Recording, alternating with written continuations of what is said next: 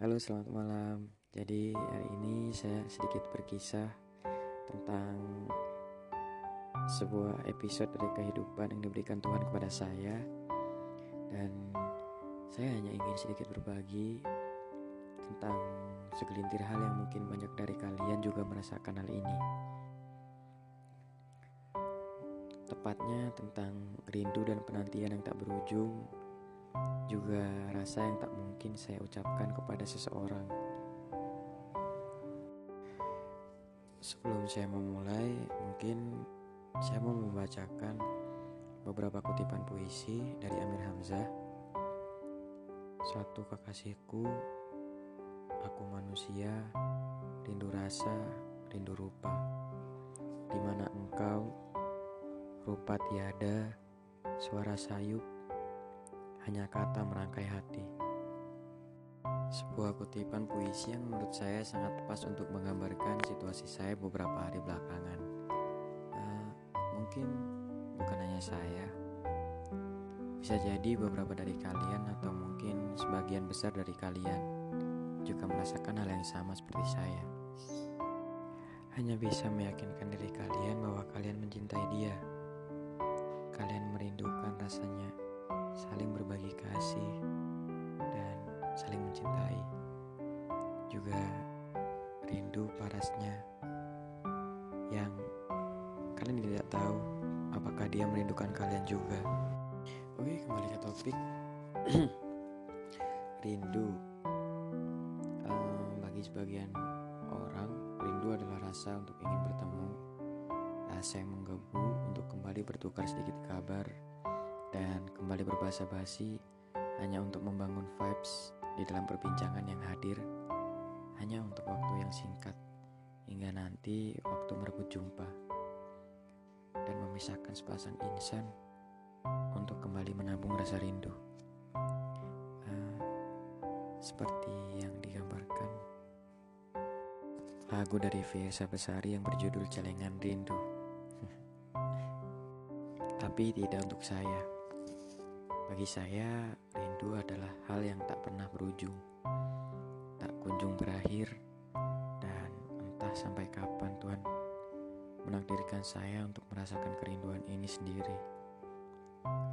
Dan mungkin ada beberapa orang yang sama merasakan hal ini, sama beranggapan bahwa rindu itu tak pernah berujung. Hmm, rindu sepihak yang menyiksa tanpa bisa sedikit meminta dia untuk merindukan kalian kembali. Bisa meminta. Bahkan untuk bertanya tentang sedikit kepastian saja, kita enggan. Entah karena malu atau takut tersakiti untuk yang kesekian kalinya. Bagi beberapa orang, rasa ini teramat nyata dan menyiksa. Dan bagi beberapa orang pula, rasa ini hanyalah rasa semu yang diciptakan dari rasa sepi yang tak kunjung pergi. Dan bagi saya, rasa rindu itu adalah rasa semu yang diciptakan dari rasa sepi yang tak berujung. Karena itu, saya lebih suka mengisi kekosongan saya untuk membaca novel, sedikit menghibur diri saya dengan bermain game, atau mungkin sedikit membuang waktu saya di meja kopian bersama teman-teman.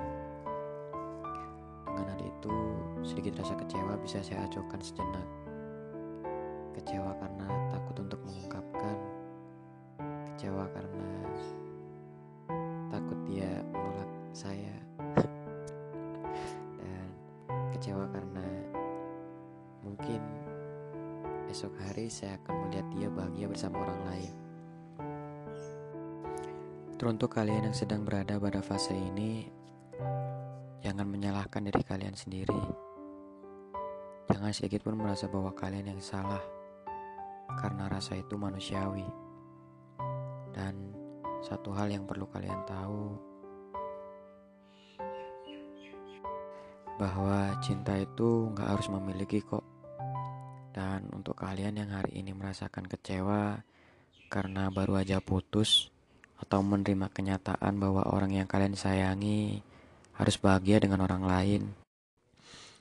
Percayalah bahwa kalian adalah orang-orang hebat yang sudah merelakan kebahagiaan kalian untuk orang lain untuk orang yang kalian sayangi, walau kalian tidak tahu apakah orang itu juga memikirkan kebahagiaan kalian atau tidak.